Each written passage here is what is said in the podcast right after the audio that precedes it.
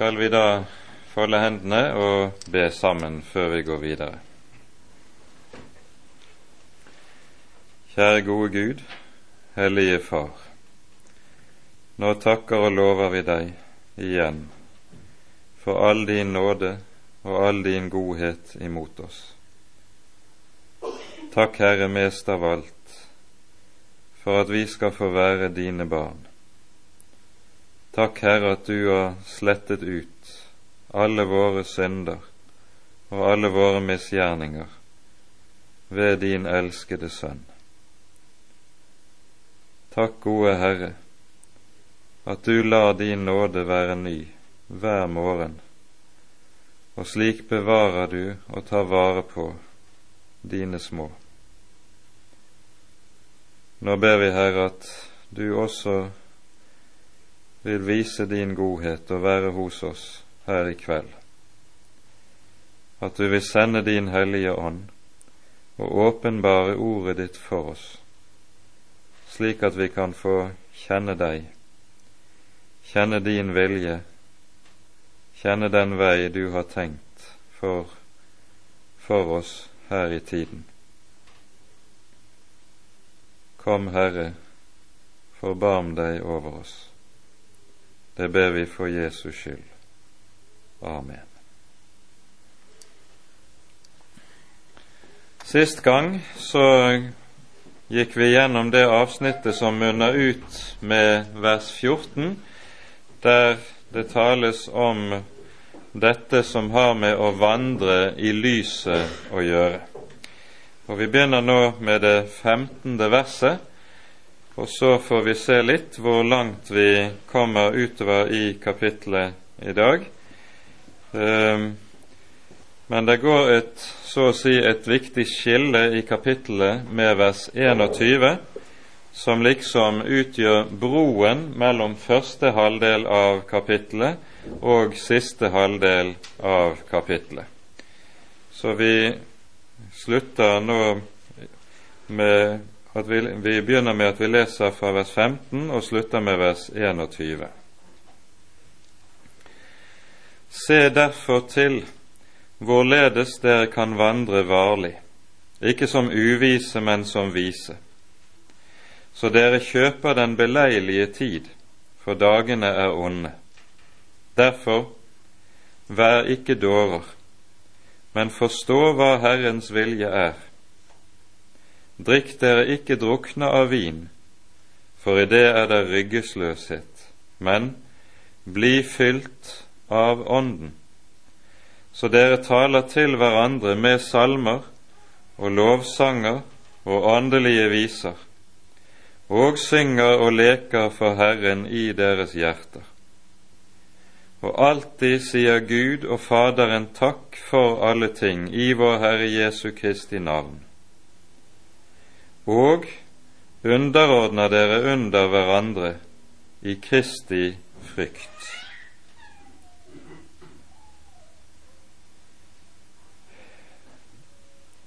Det vi altså hører i dette avsnittet, det er det vi godt kan kalle for sammenfattende og avsluttende formaninger før apostelen begynner med vers 22 på det som vi gjerne kaller for hustavlene, med et ord av Martin Luther i Efeserbrevet.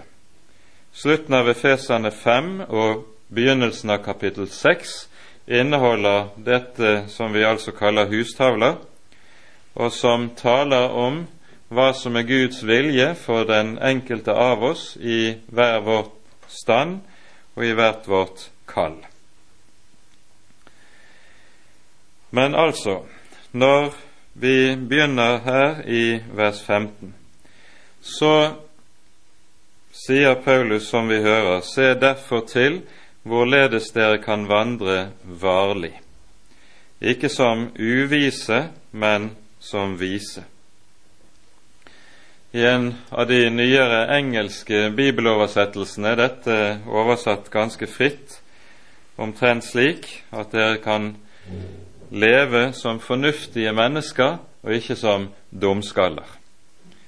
Det er vel en litt fri oversettelse, for ved å oversette på den måten så får en ikke frem det som ligger Paulus på hjertet i denne sammenheng, nemlig at han viser oss her til ordspråksboken.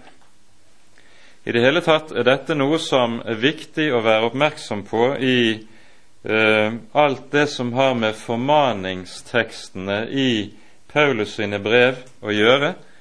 De er i veldig sterk grad ikke bare bundet sammen med de ti bud, men også ganske særlig med ordspråksboken. Og dette ser vi ikke minst av dette uttrykket som Paulus her bruker. Han taler om ikke som uvise, men som vise. Og Det han da taler om, er den kristne visdom, som på avgjørende måte skiller seg fra den greske formen for visdom.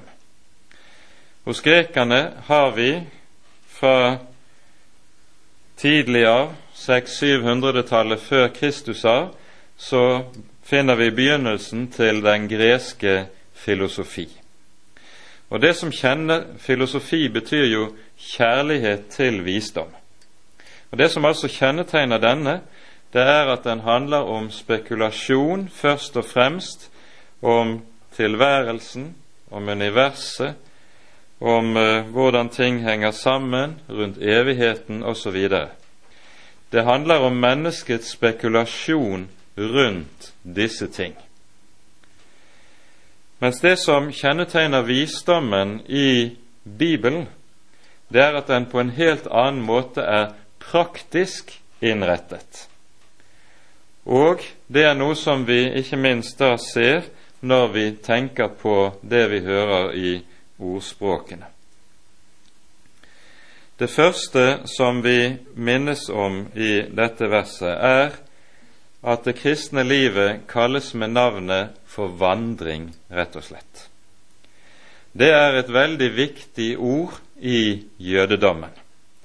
Og det er jo også slik at Paulus er rabbiner og henter med seg svært mye fellesgods, og ikke minst av også terminologien sin, fra det han har av sin jødiske bakgrunn. Og Det som er uttrykket for dette som vi møter i jødedommen, det finner man i det viktige jødiske skrift som ble nedfelt, eller kom uh, ut i skriftlig form rundt år 220 etter vår tidsregning, og som heter Mishnah. Og I Mishnah så består hoveddelen av det som vi der lærer, av det som kalles for halacha, og som nettopp betyr vandring. Hvordan skal et Guds menneske innrette sitt liv, sin vandring? Og det er dette at livet i jødedommen rett og slett kalles for vandring slik som ligger bak. Og Dette er jo også i Det nye testamentet fått et særlig uttrykk. For i det nye test i, unnskyld, i apostelgjerningene så hører vi flere steder at de kristne omtales på en spesiell måte. De kalles for de som kjenner veien eller de som hører til veien. F.eks. når Paulus skal dra til Damaskus for å gripe de han kan få tak i av kristne der, så sies det han skulle, fikk myndighet av øverstepresten, til å pågripe de som hørte til veien, eller Herrens vei. Og det hele er altså denne billedkrets som ligger bakom når Paulus taler som han her gjør. Tidligere i Feserbrevet har han også brukt dette uttrykket. I kapittel fire hører vi formaning til å vandre som verdig er for det kall vi er kalt med.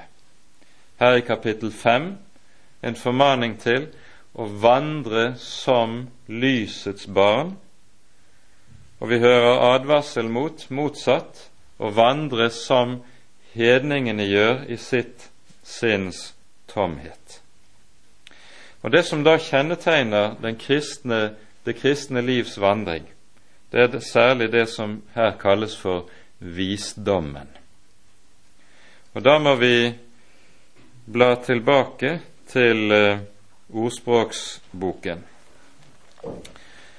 Uh, det er meget vi kunne hente fra, frem fra ordspråkene, men her stanser vi bare opp for et kort avsnitt i det andre kapitlet.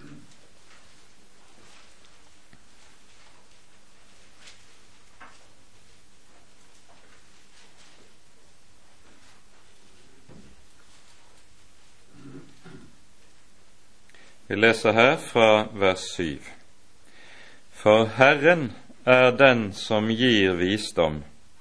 Fra Hans munn kommer kunnskap og forstand. Og Han gjemmer frelse for de oppriktige, et skjold for dem som lever ustraffelig. Han vokter rettens stier og bevarer sine frommes vei. Da skal du forstå rettferdighet og rett og rettvishet, ja, enhver god vei. For visdom skal komme i ditt hjerte, og kunnskap skal glede din sjel.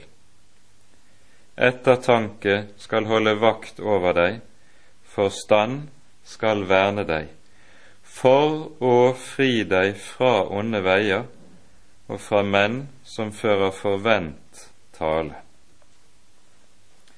Her hører vi hvordan visdommen omtales i eh, ordspråksboken.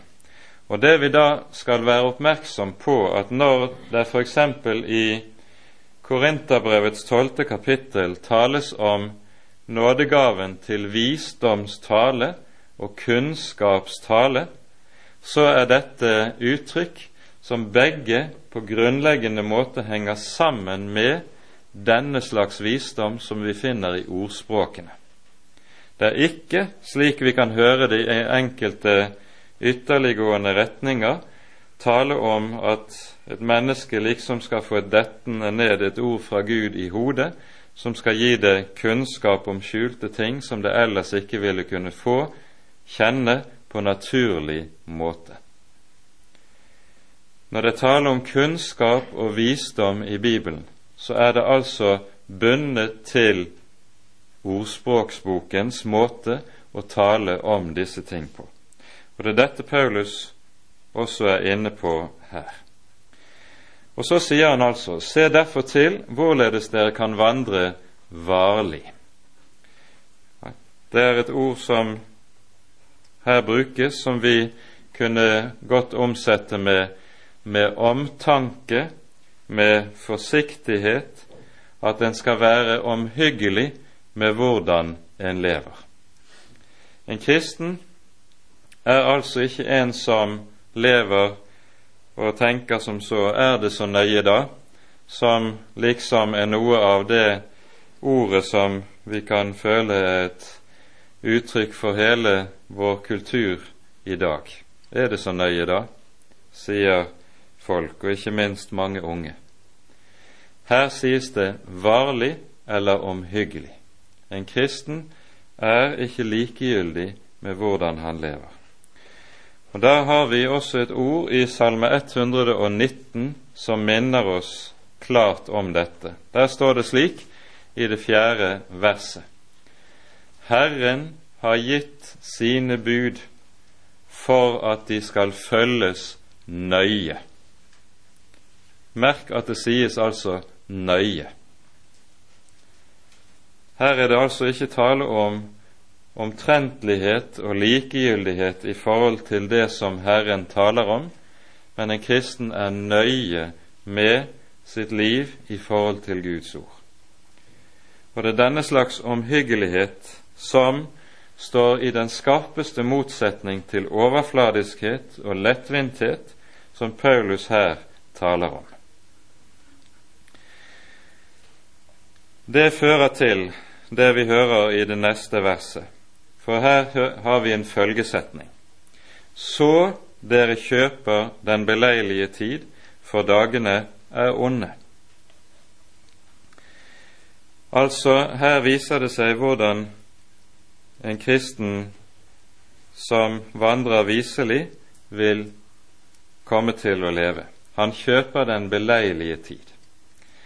Det som ligger i dette uttrykket, det er at en kristen rett og slett er nøye med hvorledes han bruker sin tid.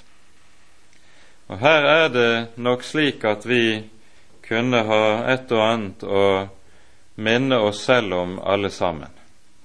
For ikke minst sånn som hele vårt samfunn og hele den moderne kulturen eh, har kommet til å bli, der det er om å gjøre for det første å ha mest mulig fritid, og denne fritid er noe som en altså utelukkende skal anvende på seg selv og sin egen nytelse, så fører det til et forhold til tiden og til tidsbruk som slett ikke alltid er sunn. Det å bruke tiden rett, slik at jeg ikke søler bort tiden og søler bort livet, det er noe av det som ligger i dette. Og så begrunnes det, som vi hører i andre halvdelen av verset, for dagene er onde. Det er et sitat fra profeten Amos femte kapittel. Antagelig har det ligget det femte kapittelet hos Amos ligget bak hos Paulus i en del av det han skriver i det kapittelet vi her er inne i. I Amos 5,13 leser vi slik:" Den som er klok, han tier i denne tid, for dagene er onde, står det. Og Når det her altså tales om å kjøpe den beleilige tid, så handler det om å bruke den anledning som Gud gir en i livet, på best mulig måte, slik at altså vi ikke lar den gudgitte anledning løpe fra oss på grunn av likegladheten.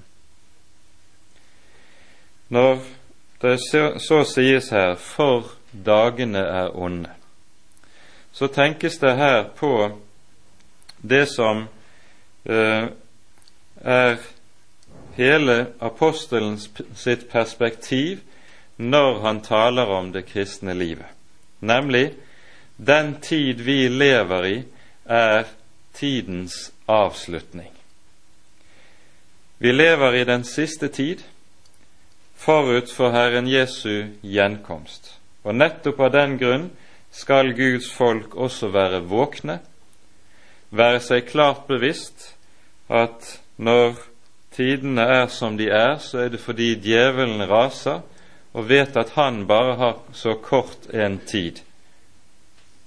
Og så skal dette bestemme holdningen til den tid vi lever i, og hvordan vi altså selv skal tenke om våre liv.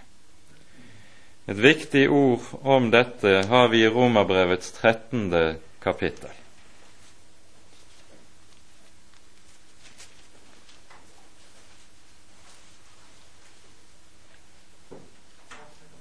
Romerne 13, og vi leser da fra vers 12 til 14. Det lider med natten, det stunder til dag. La oss derfor avlegge mørkets gjerninger, men ikle oss lysets våpen. Og la oss vandre sømmelig som om dagen, ikke i svir og drikk, ikke i løsaktighet og skamløshet, ikke i kiv og avvind.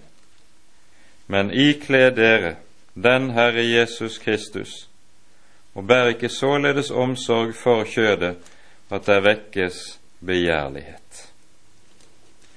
Det lider med natten, det stunder til dag. Dette er så å si bakteppet for alt som Det nye testamentet sier om det kristne livet. Og jeg tror vi har lov til å understreke i denne sammenheng at der hvor bevisstheten om Jesu gjenkomst blir borte fra de troendes sinn og troendes hjerter, der fører det ofte til søvn og til likegyldighet i kristenlivet. Mens der bevisstheten om Herrens komme får lov til å være noe som vi lever i, der vil det også bevare oss i våkenhet, i troen og i livet. Det lider med natten, det stunder til dag. La oss derfor avlegge mørkets gjerninger og ikle oss lysets våpen, sier apostelen. Så føyes det til derfor vær ikke dårer, men forstå hva Herrens vilje er. Nå kunne en spørre i møte med et slikt vers. Uh, ja, er det ikke enkelt og greit å vite hva som er Herrens vilje da? Det står jo i Bibelen. Men her er vel saken den at det er en mengde ting vi stilles overfor i livet, en mengde spørsmålsstillinger og problemer som vi møter, som jo aldeles ikke er omtalt direkte og klart i Bibelen. Og Det som da trengs for oss som Guds folk, det er åndelig skjønnsomhet. En slik åndelig skjønnsomhet, den er noe som ikke så å si bare kan tilegnes gjennom at man kjapt kan lese seg til noe gjennom å lese en bok eller to.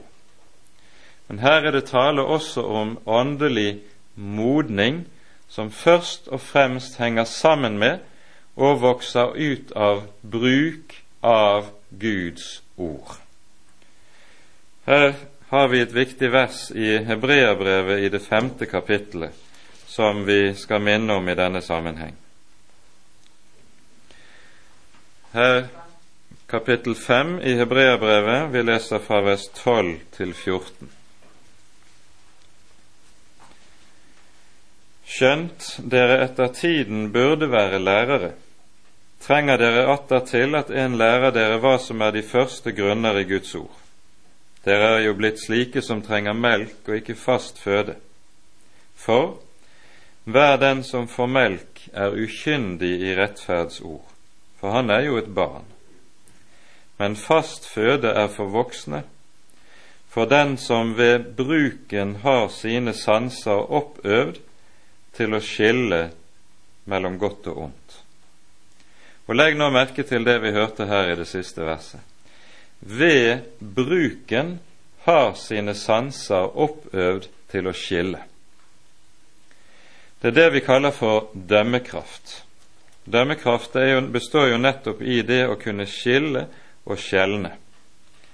Og hva slags bruk er det som kan gi og skape slik dømmekraft? Jo, det er bruken av Guds ord det handler om. Guds ord er en mat som, når vi bruker det jevnlig og trofast gjennom årene, så vil det danne og forme en kristens sinn, slik at det skaper den åndelige modenhet som også gir dømmekraft. Og Det henger sammen med at ordet er slik som det fra Guds side er inngitt til å være. Og Da må vi minne om det vi hører i 2. Timotius brev i det tredje kapittelet. Her er det i vers 16 vi møter dette kjente verset som er så viktig når vi taler om at Bibelen er det inspirerte Guds ord. Men det vi ikke ofte stanser opp for, er det som sies i verset som følger etter. Men det skal vi legge merke til. Her sies det altså den hele Skrift er innblest av Gud og nyttig til lærdom, til overbevisning, til rettledning, til opptryktelse i rettferdighet. Og merk så følgen for at det Guds menneske kan være fullkomment, dugelig til all god gjerning.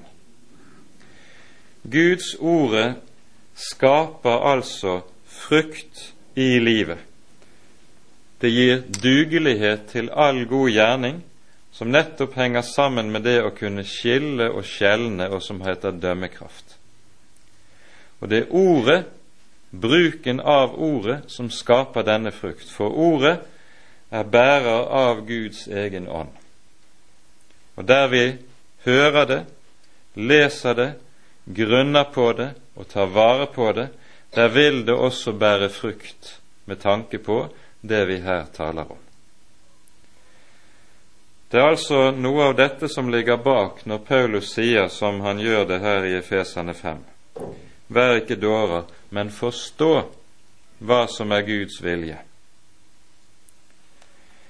Så nevner han i neste vers noe som helt åpenbart var en fare, ikke minst for menigheten der i Efesos, men som jevnlig også har vært en fare ellers, og som også er den sterkeste hindring for at Guds barn kan vandre viselig og med klokskap. Drikk dere ikke drukne av vin, sier han, for i det er det ryggesløshet. Efesos lå i noe som var et rikt vindistrikt, og det er tydelig at det å bruke for mye av denne drikk, det var en fare som lå dem snublende nær i denne byen, som jo var en by som også var berømt både for sin velstand og dermed også for noe av sitt vellevnet. Bibelen forbyr jo ikke å verken drikke vin eller noe. Tvert om så hører vi om at det å drikke vin med måte, det, hører, det knyttes jevnlig i Den hellige skrift sammen med glede. Vinen er ofte et gledens symbol, slik vi kan møte det flere steder i Det gamle testamentet. Men samtidig er det altså slik at Bibelen gir oss de aller sterkeste advarsler mot alt som har med drukkenskap å gjøre. Derfor så sier Paulus sånn som han her gjør det, drikk dere ikke drukne av vin, for i det er det ryggesløshet. Og vi vet hva årsaken til det er. Alkoholen virker jo slik at det nedbryter de personlige barrierene rent moralsk som et menneske har liggende innvendig, og så kan en komme til å gjøre det, de verste ting som en vil angre på etterpå. Og I tillegg så er det jo også det at denne drikk har den fare med seg at den kan skape avhengighet og trelldom, som vi dessverre ser altfor ofte også mye av i våre dager så får menigheten altså sin advarsel også når det gjelder denne sak. Og vi kan godt si det slik at det som lød i det femtende verset på dette området, det kan stå som overskrift også over det vi hører her. Se til at dere vandrer varlig. Med omtanke og være klart bevisst på at vi holder oss nøye til Guds ord, skal gjelde på dette området. Vi sier ikke mer om det i denne sammenheng, men understreker det som Paulus nå setter opp som motsetning til dette. Drikk dere ikke drukne av vin, men bli fylt av Ånden. Det er det som et Guds barn skal se etter, trakte etter og be Herren Gud om.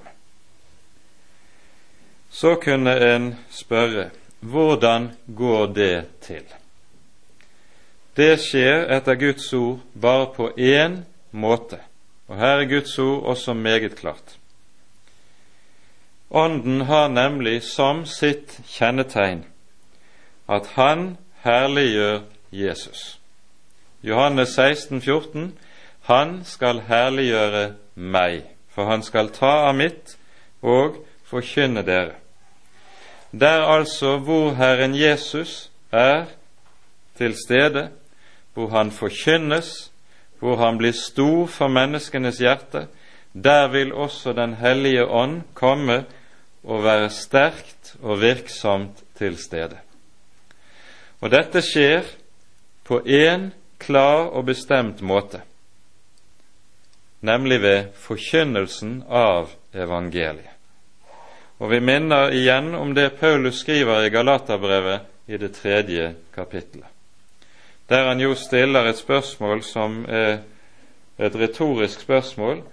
Dere uforstandige galatere, hvem har forgjort dere? Dere som har fått Kristus Jesus malt for øynene som korsfestet. Bare dette vil jeg få vite av dere. Var det ved lovgjerninger dere fikk Ånden, eller ved troens forkynnelse? Altså, var det ved loven eller ved evangeliet dere fikk Den hellige ånd? Var det ved å gjøre noe i lydighetsgjerninger etter loven, eller var det ved å høre budskapet i evangeliet? Og de vet utmerket godt hva som er svaret. For her er saken den at der evangeliet er, der er Ånden.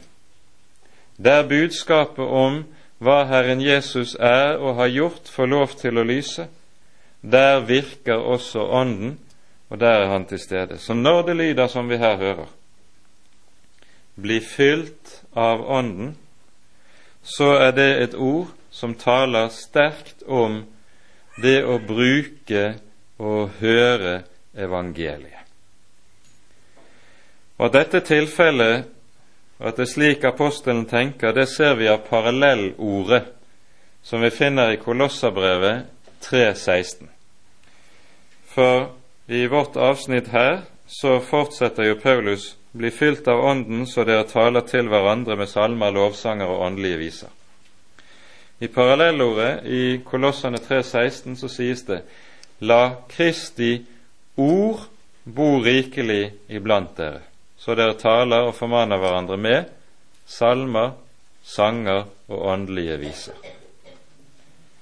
Å bli fylt av Ånden, det skjer altså ved Kristi ord, eller ved ordet om Kristus. Her tror jeg vi i uh, forbifarten også skal minne om en annen sak. For at dette blir satt som motsetning til det som sies i første halvdelen av verset, hvor han advarer mot drukkenskap. Det peker på en annen viktig side ved Den hellige ånds nærvær og gjerning hos kristne mennesker. Vi møter jo en rekke steder i Det nye testamentet en formaning som lyder omtrent slik Vær edrue og våk. Og når ordet ut, eller uttrykket 'være edru' dukker opp i den sammenhengen, så tenkes det ikke på bokstavelig avholdenhet fra vin, men det tenkes på åndelig edruelighet, det vi kan kalle for nøkternhet. For det dette står i motsetning til, er noe som meget ofte har vist seg oppover gjennom Kirkens historie, at en usunn opptatthet med Den hellige ånd fører til det vi kaller for overåndelighet eller åndelig overspenthet. Noe som i høy grad både er åndelig usunt, men også når det gjelder mennesker som kanskje ikke er særlig sterke rent psykisk, også kan få store psykiske skadevirkninger for mennesker. overåndelighet er kjennetegnet av nettopp dette at den åndelige nøkternhet og edruelighet blir borte. Og så tar man liksom av i åndelig forstand. Vi behøver ikke å komme med store beskrivelser av det, vi har vel sett det noen enhver i ulike sammenhenger. Da er hele saken dette. Ånden er bundet til evangeliet. Evangeliet som gis til syndere for at de skal få del i frelsen. Ånden kommer ikke gjennom, sånn som vi av og til kan høre det i våre dager, overspente predikanter som bare kan berøre en på pannen, og så skal en liksom få del i Ånden. Dette er i strid med Guds ord. Og det er vranglære, og vi kan ikke sterkt nok advare mot den typen åndelige aktiviteter og predikanter. Det å falle om på gulvet, det å ligge og rope og skrike fordi man har fått en eller annen velsignelse slik, det er ikke fra Den hellige ånd. For det som kjennetegner Guds ånd, er edruelighet og ikke minst verdighet. Der det uverdige, kommer inn med skrål og vanhellighet, der er Den hellige ånd heller ikke til stede.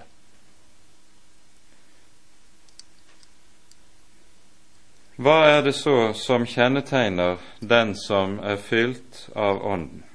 Vi hører det i det neste verset, i det 19. verset. Så dere taler med hverandre i salmer, lovsanger og åndelige viser, og synger og leker for Herren i deres hjerter. Når det her sies 'taler til hverandre', så kunne vi også nevne parallellord i Kolossene 3,16, der det heter 'lærer og formaner'. Det burde vel antagelig helst vært oversatt 'lærer og oppmuntrer hverandre' med salmer, lovsanger og åndelige viser. For det ordet som i Nytestamentet vanligvis omsettes med å formane, det betyr også å oppmuntre. Og Det er viktig å være klar over. Og Da skjønner vi at det som ligger i det nytestamentlige ordet om formaning, det er ikke pekefingeren, men det er det at vi skal hjelpe hverandre på veien. Og det er en ganske annen tone som ligger i det, enn det du finner i den løftede pekefinger. Men altså, så dere taler til hverandre med salmer, lovsanger og åndelige viser. De fleste her vil huske at vi har vært inne på dette tidligere, og da er det slik at det som apostelen her tenker på når han bruker disse uttrykkene, det er å bruke salmenes bok i det innbyrdes liv troende imellom. De tre greske uttrykkene som brukes i grunnteksten, det er alt sammen overskrifter i Salmenes bok i Det gamle testamentet. Og det de troende altså skal gjøre, de skal beflitte seg på å bruke Salmenes bok. Vi hørte altså innledningsvis Paulus peker tilbake på ordspråkene, og nå Salmenes bok. Og det Salmenes bok skal brukes til, det i de troendes innbyrdes oppmuntring. Vi har fått et ord fra Herren, og så minner vi hverandre om det. Og så sies det hvorledes vi kan hente frem snart det ene og snart det andre derfra til å hjelpe hverandre, til å oppmuntre hverandre, til å trøste hverandre. Og slik skal de troende i menigheten hjelpe hverandre og være støtter for hverandre. Det er det ene siden ved dette. Den andre siden ved det, det er det som rett og slett peker hen imot den, de første kristnes gudstjeneste, og som jo var intet annet enn en videreføring av det som var gudstjenesten i synagogen på Jesu tid. De kristne brøt jo ikke med synagogens gudstjeneste, men når de ble fordrevet fra synagogen, så tok de med seg gudstjenesten derfra og så bygget de på grunnlag av den etter hvert det som kom til å bli den klassiske kristne gudstjenesten. Og Grunnbestanddelen i synagogens gudstjeneste var nettopp bønnene i Salmenes bok. Og Her ser vi også det som er all gudstjeneste og all liturgis egentlige hensikt og innhold. Det består rett og slett ikke av noe annet enn at vi sammen, som menighet og som Guds folk, ber Guds eget ord. Liturgi, det er å be Guds ord. Rett og slett intet annet. Og Dette gjorde de første kristne. Og de gjorde det i langt større utstrekning enn det vi gjør i våre dager. Antagelig har det vært slik at de første kristne også kunne Salmenes bok utenat, og brukte det flittig på denne måten. Når vi ved avslutningen av dette verset hører Paulus sier syng at menigheten skal synge og leke for Herren i sine hjerter, så ligger det her noe som er uhyre viktig med tanke på forståelsen av sang og musikk i kristen sammenheng. Det som nemlig meget, i meget sterk utstrekning har skjedd eh, nesten over hele linjen i vestlig kristenhet i dag, det er at kristen sang og musikk mer og mer forstås som noe som skal være en del av budskapet ut til mennesker. Man forstår sangen og musikken som en del av forkynnelsen. Men slik var det ikke blant de første kristne. Og slik har det heller ikke vært i kristenhetens historie før vi kom til perioden for ca. 150 år tilbake. Det en da alltid tidligere har forstått kristen sang og musikk som, det er vesentlig i samme kategori som bønn og tilbedelse. Det vil si at retningen for sangen salmene, det var oppad mot Herren, ikke utad mot mennesker. Retningen var altså vertikalt mot Gud, ikke utover mot mennesker.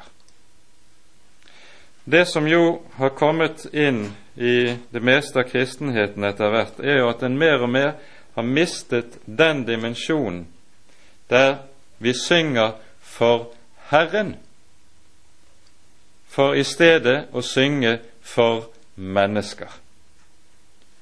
Dette har i sin tur fått helt bestemte konsekvenser, fordi en nå i vår tid hvor musikk betyr så veldig mye, ikke minst for de unge, så har man begynt å tenke slik at skal sang og musikk duge som forkynnelse, så må det jo da skje til toner som kommuniserer, og som en liker. Og så får en en retning som etter hvert tilpasser alt til hva som er gangbar mynt i den moderne kultur. Og Årsaken ligger i at en har omdefinert forståelsen av sang og musikk fra å være noe som altså primært er rettet til Gud, for i stedet å rette den ut mot mennesker. Og Så opplever man det som vi også kan se i mange sammenhenger, at meget av det som kalles for kristen sang og musikk, lovsang eller hva det nå måtte være, etter hvert går i retning av at det blir en art kristelig underholdning. Da er en kommet på meget farlige veier i Guds rikes arbeid. Og Her tror jeg vi trenger meget bevisst å besinne oss på hva Guds ord sier om disse ting. Vi synger for Herren. For kristen sang og musikk det er å forstå i samme kategori som bønn og tilbedelse. Og det er jo alltid rettet til Herren. Det å skulle be for mennesker, det er jo noe som Jesus advarer på det aller sterkeste mot i bergpreken. Vokt dere for å be på gatehjørnene som fariseerne. Og det som er faren nettopp for fariseeren som står på gatehjørnet for å be, det er jo at han vil legge sin bønn opp på en sånn måte at folk forstår at her har vi virkelig med noe som er fromt og gudelig, og så vil de tykkes om det. Den samme faren rammer kristen sang og musikk når en tenker den i retning mot mennesker i stedet for mot Gud. Det som altså er tankegangen her, det er vi skal synge og leke for Herren i våre hjerter. Og Her har vi noe som vi som kristne også skal sannelig prøve oss selv på. Altfor ofte er det slik når vi synger en salme eller en sang, så er tankene helt andre steder. Altfor ofte er det slik når vi er samlet til gudstjeneste og vi synger gjennom de faste leddene i gudstjenesten, så oppfatter en de ulike leddene nærmest som ja, det er nå et ritual som vi får gå igjennom, og så er vi ferdig med det. Men det vi skal tenke, er om hvert enkelt ledd. Der står vi for Guds ansikt og synger for Guds ansikt. Og da skal en gjøre det av hjertet. Enten vi synger Kyrie eleison, Gud vår Far miskunne deg, eller vi synger Vårt ære være Gud i det høyeste. Det skal gjøres med et hjerte som vet jeg står for Guds ansikt, og det er ham jeg tilber. Og da skal vi ikke kom, skal vi vokte oss selv, for dette er en fare som ligger nær hos oss alle. Det tror jeg vi alle vet vokt oss for å komme i den grøften som Jesus selv advarer så skarpt imot i Matteus 15, hvor han siterer Jesaja, der det lyder:" Dette folk ærer meg med sine lepper, men de holder sine hjerter langt borte fra meg. Vår gudstjeneste kan, om det er tilfellet med oss, bli en eneste stor løgn. For det er av hjertet vi skal synge for Herren. Av hjertet.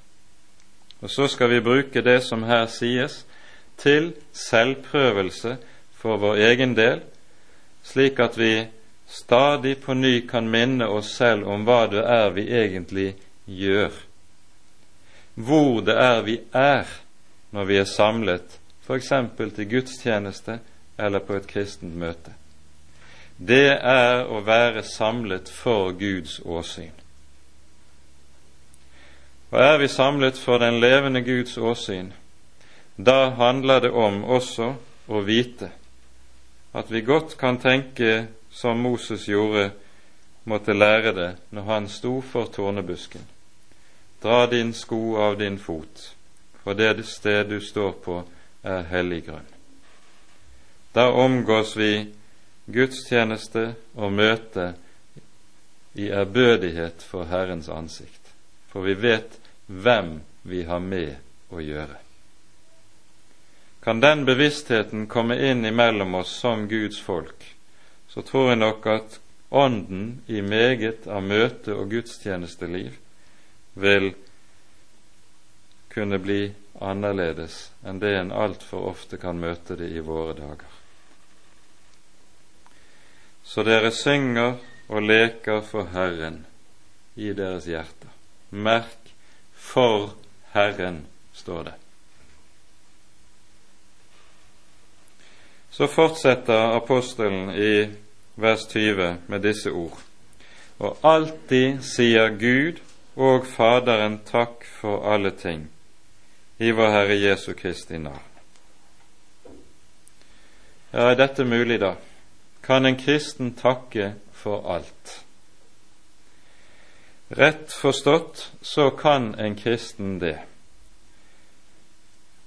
Og det som vi i denne sammenheng skal peke på, det er, tror jeg, det apostelen Paulus skriver i Romerbrevets femte kapittel. At vi minner om noe som apostelen er inne på her. Kapittel 5. I de to første versene så minnes vi om den veldige nåde vi som Guds barn får lov til å ha del i. Da vi nå altså er rettferdiggjort av troen, har vi fred med Gud ved vår Herre Jesus Kristus. Og ikke bare det. Ved ham har vi også ved troen fått adgang til den nåde i hvilken vi står. Vi har en åpen dør i himmelen, en åpen dør inn til Guds faderhjerte, en dør som aldri lukkes for Hans barn. Det er ikke småting vi eier i evangeliet. Og så fortsetter apostelen. Vi roser oss av håp om Guds herlighet. Ja, ikke bare det, sier han. Vi roser oss også av våre trengsler. Merk det.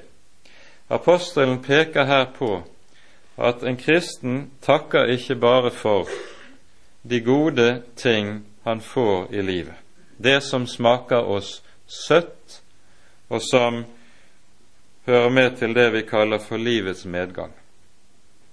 Vi roser oss også av våre trengsler, sier apostelen. Hva vil det si? Jo, det henger sammen med at en kristen vet noe om trengslene. Vi hører han sier i fortsettelsen for vi vet at trengselen virker tålmodighet. Tålmodigheten virker et prøvet sinn.